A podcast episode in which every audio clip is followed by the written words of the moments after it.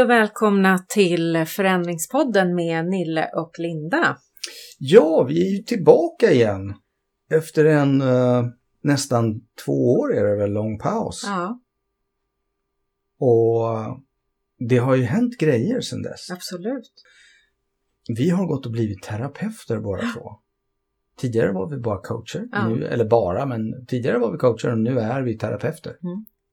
Vi valde att fördjupa oss Ja. alltså, i, eh, i psykosyntesen eh, som inte säger eh, er så mycket. Eh, psykosyntesen är ju en eh, utvecklingsorienterad psykologi. Och eh, där både vilja och den egna, det egna ansvaret står i tätt samspel med Mm. varandra. Det är, det är väl det som jag kan tycka är, är riktigt coolt med psykosyntesen. Just det här med viljan och, och hur central den är. Att vi, att vi faktiskt kan höja oss över vårt förflutna och, eh, och själva påverka. Det, vi är inte bara summan av allt vi har upplevt utan vi kan fortfarande välja. Mm. Det, det, på det sättet så är det en, en väldigt hoppfull skola. Mm. Och det finns en stark inneboende eh, potential i oss alla. Så man tittar på liksom, tittar på människan utifrån att vi har kraften att utvecklas om vi vill.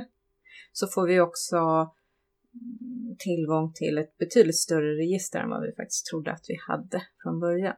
Men vi, kommer inte, vi ska inte fördjupa oss liksom i vad psykosyntesen är och hur vi arbetar och så. Vi kommer ju gö- vi kommer med all sannolikhet prata om psykosyntesen i fler avsnitt. Ja, Eh, men vi stannar där, tänker Ja. jag. För det här är inte en, en podd om psykosyntes utan en podd om förändring. Exakt. Och det är ju förhoppningsvis några som eh, hör det här som var med oss förra gången. Men för de som inte, de nytillkomna lyssnare kanske, varför, varför vi valde just Förändringspodden som namn och förändring som vårt tema. Ja, varför finns vi? Ja, Eller varför finns Förändringspodden? ja för Mm. det är ju, förändring är ju någonting som många förknippar med någonting negativt. Mm.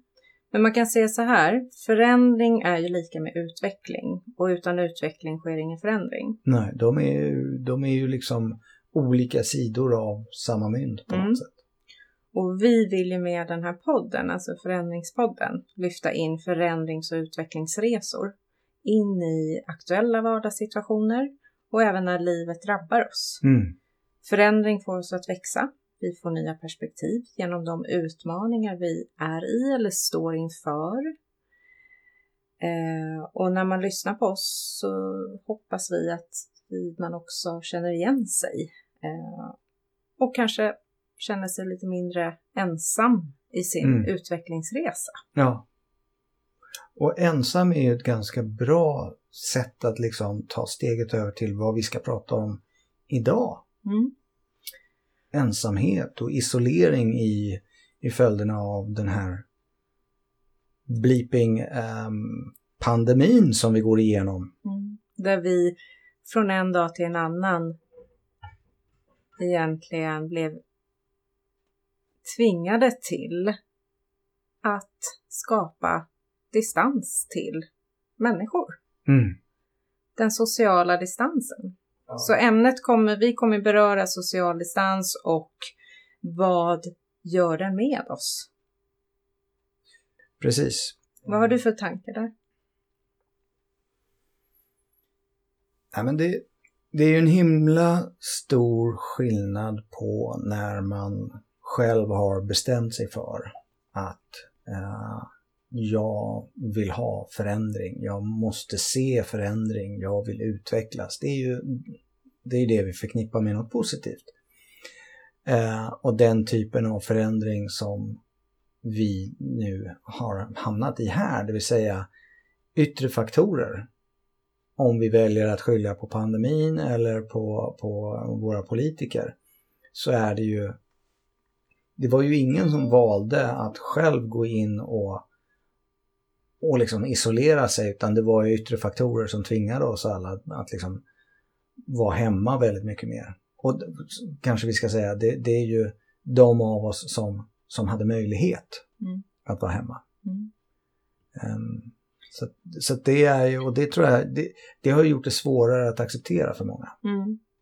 Och jag tänker ju också så här, man kan ju se det här från lite olika håll. Jag tänker också, det finns ju positiva konsekvenser och det finns negativa konsekvenser, såklart.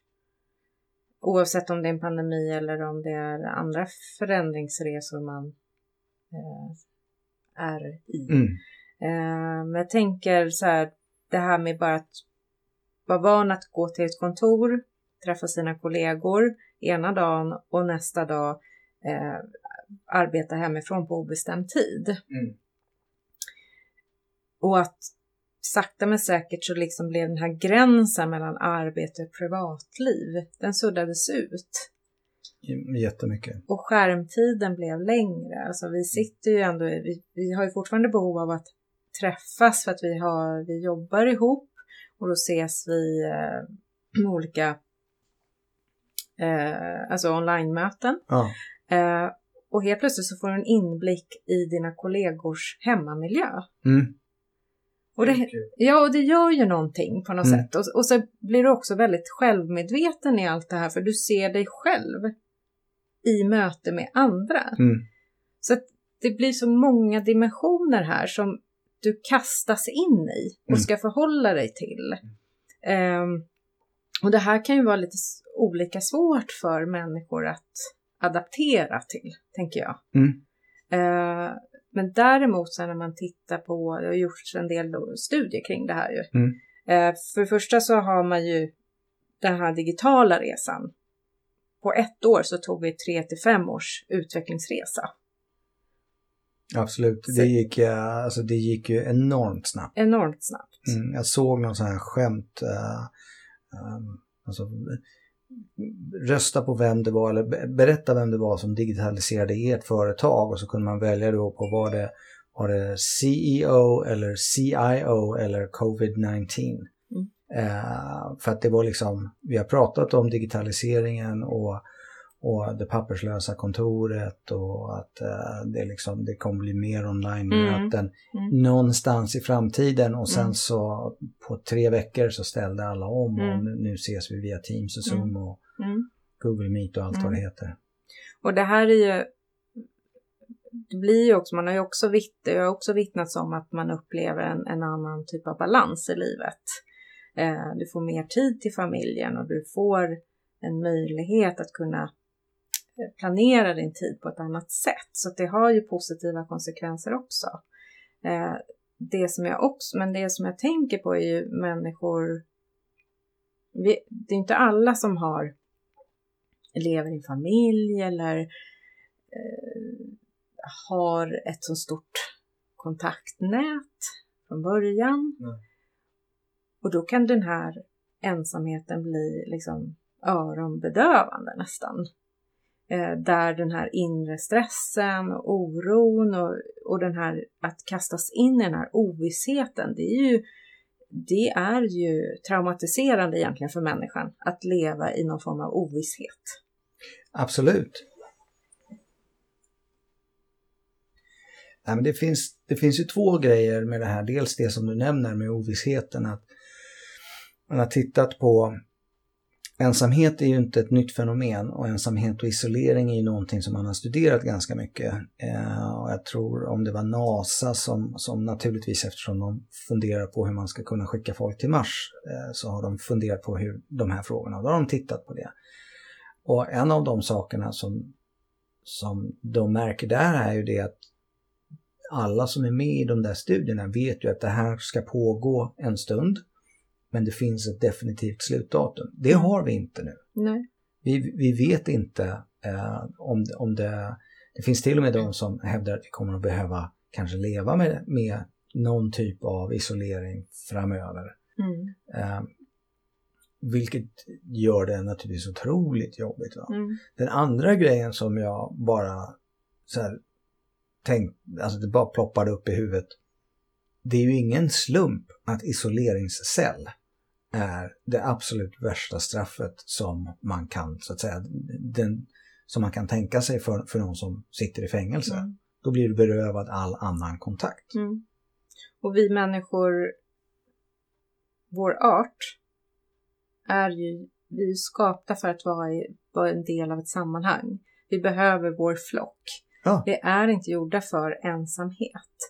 Eh, så vi har ju tvingats in i ett eh, så abnormalt tillstånd för vår art egentligen.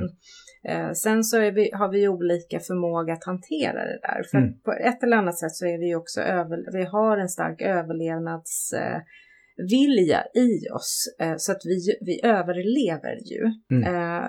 Men frågan är ju hur vi mår under processen. Mm. Och jag tänkte du, innan vi spelade in så nämnde du att någonting, du nämnde att ändå att det här har gjort att du också är mer i kontakt med din mamma. Exakt. Kan du inte berätta lite om Mm. det? Nej men alltså det är ju det är väldigt lätt att man fokuserar bara på det negativa, Mm. allting som vi inte har möjlighet att göra nu. Och, och ehm, Det bör man naturligtvis så att säga, låta sig göra. Mm. Eh, men det är också viktigt för att man liksom ska hålla ut och, och orka att ändå fokusera på de positiva effekter som ändå finns av det här. Och en av, av de kanske mer oväntade sakerna som, som jag har upplevt är att paradoxalt nog så har kontakten med min mamma som bor alltså tre minuter ifrån mig eh, har blivit bättre efter covid Mm. än vad den var innan. Ehm, och för att nu ringer jag henne, jag vet inte, men det är alltså typ fyra, fem gånger i veckan kanske. Mm. Och ehm, det handlar ju Visst är det, visst, det, det, alltså det är ett mått av omtanke om mamma ehm, som ligger i det, men alltså det, det är precis lika mycket handlar om mig. Jag behöver prata med någon och hon är jävligt rolig att prata med. Mm. Eh, och eh, det, det, kan vara, det kan vara väldigt korta samtal men du vet, det kan vara en halvtimme som vi sitter och snackar om ja, shit och ingenting och sen så naturligtvis lite om pandemin. Mm. Eh, så det, har, det, det är en, en, en tydligt positiv effekt Mm. för mig. Mm. Som jag överhuvudtaget inte hade trott. Nej. Jag tänker att det är liksom också så att bara för att vi är mer eller mindre, alltså lever mer isolering. Jag vet inte om jag vill använda det ordet riktigt, men alltså vi, vi rör oss mindre bland människor. Vi socialiserar oss mindre. Mm. Det betyder ju inte att vi inte kan vara i kontakt. Nej, Och det du beskriver nu är ändå att kontakten har ökat. absolut. Eh, och vilket blir ju fint, för det blir Mm. det, då kommer man ju närmare varandra trots att man inte kan ses. Ja. Mm. Nej men det, så är det ju. Va? Det, är, eh, vi har ju... Alltså vi, det finns ju många alternativ till att, att ses. Eh, rent fysiskt, du vet, sitta in i en fika eller ta en Mm. middag eller sådär. Ehm, och ingenting, ingenting av det slår ju Alltså att, att köra videokonferens med sina kompisar. Jag kommer ihåg att vi, vi testade så här. Vi satt fyra familjer på varsin kammare och sen så hade vi kopplat upp oss med, med videokameror mot varandra och skålade till datorn. Ja. Eh, och det var, ju, det var ju inte hälften så roligt som när vi sågs på riktigt. Nej. Men eh, det var ju ändå bättre Mm. än ingenting. Mm. Eh, och eh, att, det blev, att det har blivit telefon med min mamma beror på att hon tycker att det är liksom mer avslappnat. Hon tycker det är värdelöst med videokonferens. Mm. Hon tycker bara, vadå ska jag sitta och titta in i och det, var, ska, jag- var ska jag titta? Och, och Mm. så här, nej, det gillar hon inte. Eh, jag kan också liksom, jag kan känna att det här med att liksom bara korta, du vet, sms, eh, messenger på något sätt, WhatsApp-konversationer är också bättre än ingenting. Mm. Eh, jag kan bli glad av dem också. Mm. Eh, så att det finns många, många små sätt som man kan göra som ändå lyfter upp eh, Mm. vardagen lite grann. Mm. Men det jag tycker är, det, alltså de, de här grejerna eller de relationer som vi tänker på att vi inte har lika nära Mm. nu, det är ju de med att vi inte kan träffa mamma och pappa på samma sätt, att vi inte kan träffa våra kompisar och umgås på samma sätt som vi gjorde tidigare. Det. Eh, Och det är ju någonting som man saknar. Mm. Eh, Men den, det som jag tror också påverkar väldigt mycket, det är alla de här små kontakterna som man hade. Eh, När jag inte längre kunde gå på gymmet Mm. eh, i våras, då, så, så, då, då tappade jag ju alla de här Alltså jag känner ju inte receptionisterna där, eller de som står där och tar emot. Va? Mm. Jag känner ingen av de andra som går på det där gymmet. Men jag har ändå gått där. Så de känner igen mig och de nickar och sådär. Och jag ser att de känner igen mig och jag känner igen dem och Mm. sådär. Va? Det där saknar jag ju också. Mm. Ehm, det är... Ja, nej men det, det var jag inte beredd på, alltså hur viktigt alla de, viktiga de små kontakterna var. Mm. De omedvetna kontakterna egentligen. Ja, Eller som man bara passerade förut. ja. Mm. Man kan ju hoppas att man kommer ihåg det när det här en gång är, Mm. över. Att Mm. liksom värdesätta även, även dem. Mm. Och att liksom, ja, ja nej men det...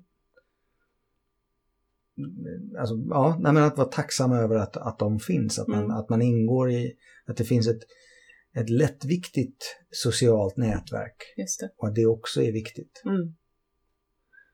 Det är också en egen spaning eller en egen reflektion. Var du klar för Ja, jag är klar. Ehm. Så jag har ju mina barn varannan vecka. Mm. Så egentligen så här varannan vecka med barnen så är det fullt upp. Eh, de går till skolan, alltså deras liv har inte förändrats speciellt mycket för de går i skolan och så. Eh, eller för dem har det förändrats att jag alltid är hemma Mm. när de kommer hem eftersom jag jobbar hemifrån. Mm. Tycker de mitt, det är bra? på mitt andra jobb, vad sa du? Tycker de det är bra? Att du alltid är hemma? Det var en bra fråga, det vet jag faktiskt inte. Jo, men vänta. Jo, men faktiskt. För att när jag inte är hemma, för nu har jag ju valt att eh, jobba, jobba från mitt kontor. Mm.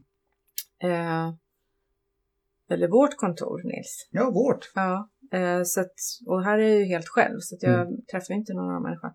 Då har jag märkt att min son uppskattade inte att jag inte är hemma när han kommer hem från skolan.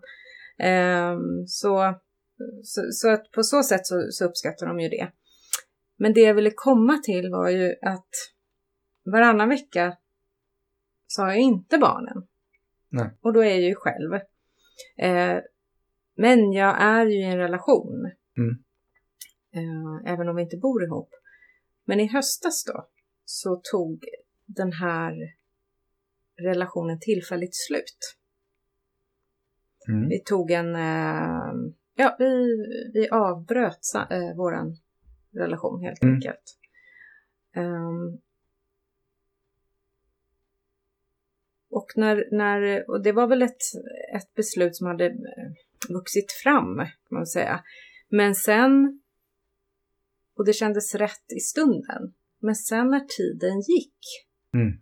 och jag började uppleva saknad och sorg Mm.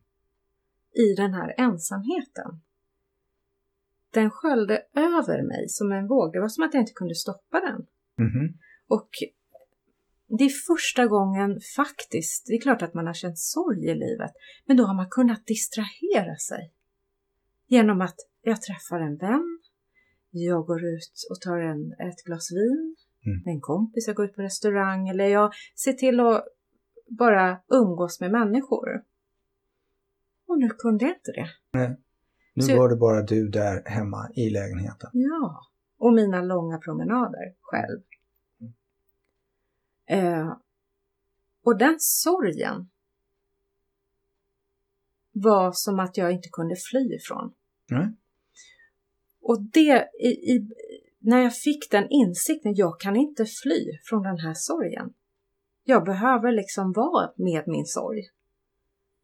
Det var läskigt. Det, det låter jättejobbigt. Mm. Det var jobbigt, det var utmanande, men jag bestämde mig faktiskt för att nu ska jag anta den här eh, sorgliga utmaningen, eller vad man ska säga, Mm. där jag verkligen så här, vad är det den här sorgen vill berätta för mig? Mm. Och nu blev jag faktiskt lite rörd, för Mm. att det eh, i det här så har då min eh, min särbo av sig och vill reda ut det som vi uppenbarligen inte hade kunnat reda ut innan. Mm. Och den här sorgen gjorde mig mottaglig för det. Och jag kom, jag lärde mig mer om mig själv i den här sorgeprocessen. Om varför jag flyr när saker blir tufft. Mm. Jag kom till insikt med mitt egna flyktbeteende. Mm. Och den insikten tillsammans då med i samtal med min särbo Andres Mm. och han kom till insikt också så kunde vi mötas i det där Mm. och vi hittade tillbaka till varandra. Mm. Vad skönt. Ja. Så att, Det låter nästan som att du tycker att den här uh, distraktionen som du hade tidigare hindrade dig och att, att du är nästan tacksam för att, att i det här läget så var du tvungen att vara kvar. ja, Och nu skulle du säga att relationen är bättre eller sämre för det? mycket bättre. Oerhört eh, eh, en, en eh, aldrig faktiskt varit med om en sån relation där det finns ömsesidig respekt, kärlek och eh, nyfikenhet Mm. på varandra. Så att det låter ju lite paradoxalt alltså, men jag har liksom pandemin att tacka Mm. för att jag tvingades in i att möta mig själv i Mm. mitt allra sårbaraste tillstånd. Mm. Men det är det som jag älskar med förändring. Mm. Att det finns otroligt mycket fördjupad kunskap Mm. inom oss. Mm. Om vi låter, om vi lyssnar till den, om vi låter den få finnas. Mm. Det är ju... Nu, alltså du och jag har ju bättre förutsättningar än de flesta. Vi har trots allt pluggat det här Mm. i tre och ett halvt år och, och gått i en, en vansinnig massa terapi. Eh, om det här hade inträffat innan du började utbilda dig och gå i terapi själv, hur tror du Mm. att det hade blivit då? Då hade avgrunden varit djupare. Mm. Alltså sorgeavgrunden. Då. Mm. Eh, du har helt rätt. Alltså jag har ju verktygen och jag har Mm. gått i egen terapi i många år. Mm. Eh, så det är klart att det hjälpte. Mm. Eh, men igen, vi är människor. Så att i, man är sig själv närmast och Ja. i den stunden så kanske man inte tänker på all fantastisk kunskap man besitter. Eh, då är man bara människa och i sorg. Mm. Eh, men självklart så skulle det varit en, en betydligt längre process för Mm. mig. Och jag kanske till och med, om jag ska vara, det är ju liksom rent hypotetiskt, men jag kanske inte skulle varit mottaglig heller för att möta min särbo Nej. i den här sorgen. Mm. Jag tänker på... Jag har ju eh, det är lite av ett parallellspår till det här, alltså em, som du pratar om, att vi är ju, visst vi har en massa utbildning och vi vet saker, men sen så är det ju det här när det drabbar en själv liksom. Mm. Eh, hur reagerar man då? Och jag vet att jag får, jag får ganska ofta frågan när jag berättar att jag är terapeut och coach och att min hustru också är coach så här. Så då, så jag bara, ja, nej, men då grälar ni väl aldrig hemma? Och jag bara, jo, ja, det hade ju varit fantastiskt om det var så. Eh, men, men det är ju, alltså, man tappar det ju ibland. Mm. Eh, och jag tänkte på det när, när den här... Jag vet ju hur bra rutiner är för mig. Mm. Alltså att man har vissa vanor, så här, det, här, det är så här man gör. Mm. Och, och sen så kom den här pandemin. och jag reagerade absolut jättedåligt på den. Alla vanor som jag hade kämpat så för att tillägna mig, Mm. de föll ihop som ett korthus. Eh, Jag hade börjat träna och var liksom så här bara, ja men nu sitter den här vanan liksom. Mm. Ja, fast den hängde på att jag gick på gym och, och så här, ja men jag, jag, kunde inte, jag kunde inte göra någonting hemma. Jag gjorde inga armhävningar och jag sov för länge och vände på dygnet och alltså, Mm. det tog, det tog en, en bra stund innan jag insåg att, eh, att jag behövde, tidigare så var det ju det att man, man, man drevs av externa krafter på något sätt. Mm. Just det. Eh, jag går upp och duschar varje morgon och rakar mig och sådär för att jag ska till jobbet och jag måste se presentabel ut och sådär. Och sen så så skulle jag inte till jobbet och, och jag skulle inte träffa några, jag skulle inte träffa några klienter och, och det var liksom, ja. Visst, det, det är klart att jag gick upp och duschade men jag, menar, jag, jag, slutade ju raka mig eh, lika ofta och, och eh, det var liksom inte det här med att sätta på sig en snygg skjorta utan det var ju liksom ja, t-shirt och byxor och mjukisbrallor och allt det där. Det, det, det är väldigt lätt att, att trilla dit i Mm. det där. Vad, Trots, vad fick dig att eh, ändra det beteendet då? Eller ändra fokus? Nej men alltså till slut så jag kan, inte, jag kan inte pinpointa någon specifik sak Mm. som var inget så här aha-ögonblick. Eh, men ehm, alltså jag är ju lite, du vet att jag är en Excel-nörd Mm. eh, och jag gillar att hålla reda på saker och en av de där sakerna som jag höll, höll på med var att jag liksom kollade ju när jag gjorde mina vanor sådär och prickade Mhm. av det. Mm. Och då märkte jag att jag inte gjorde det och så jag märkte att jag mådde sämre. Mm. Eh, att jag liksom, jag blev, alltså min, mitt humör sjönk sådär. Eh, så då så har jag, då, då har jag liksom återetablerat många av de där vanorna. Inte riktigt alla faktiskt. Eh, men, men jag tvingade mig själv till det. Alltså det är, rutiner är oerhört viktigt. Mm. Eh, Men, men då får jag ställa samma fråga till dig då. Så tror du att du skulle innan all den kunskap du har äh, skaffat dig under de här åren i Mm. skolan skulle du ha liksom tror du att du skulle ha haft ett annat förhållningssätt innan? ja, Mm. Jo, men ja, alltså, ja självklart. Mm. Eh, och, men, men då kanske förklara lite vad jag menar med det.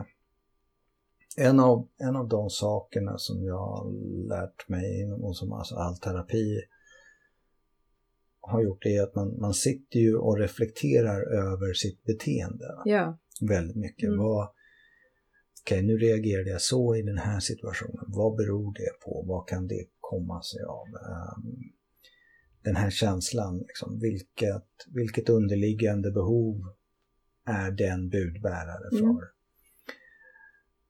Och det är ju inte någonting som jag gjorde tidigare. Då var det mera, nej men det är sån här jag är.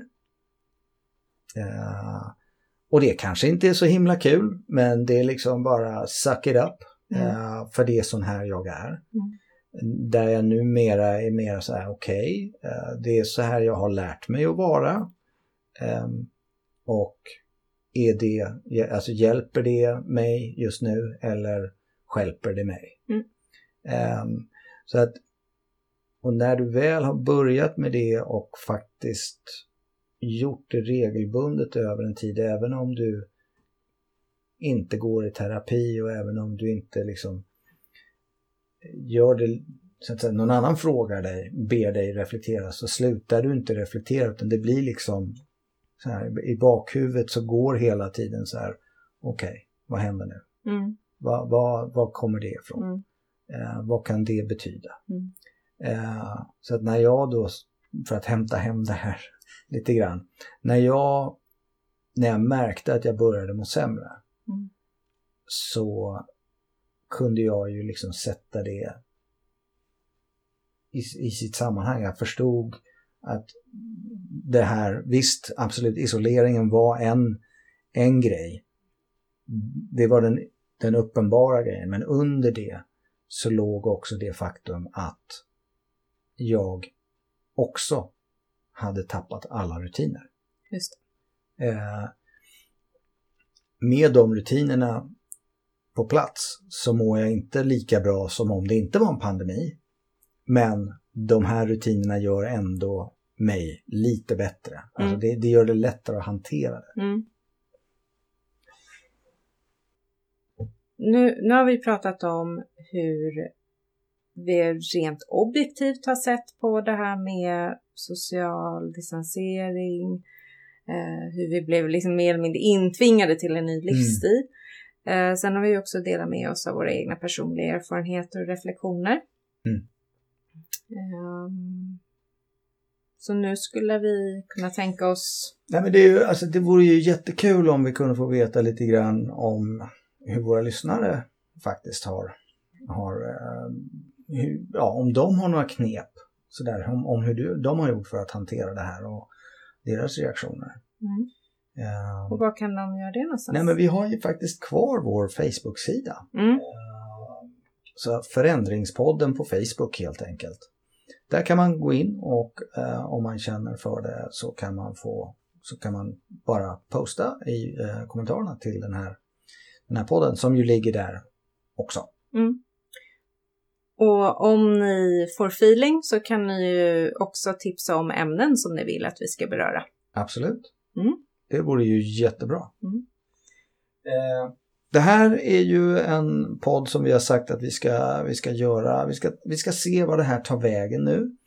Eh, och att vi ska vara snälla mot oss själva och inte pressa utan vi, eh, vi kommer tillbaka om en stund. På återseende. På återseende. Och eh, vill ni vara säkra på att få reda på när, är, när nästa avsnitt kommer ut så är Facebook-sidan Förändringspodden stället att gå in på. Yes. Tack så mycket. Tack. Hej. Hej.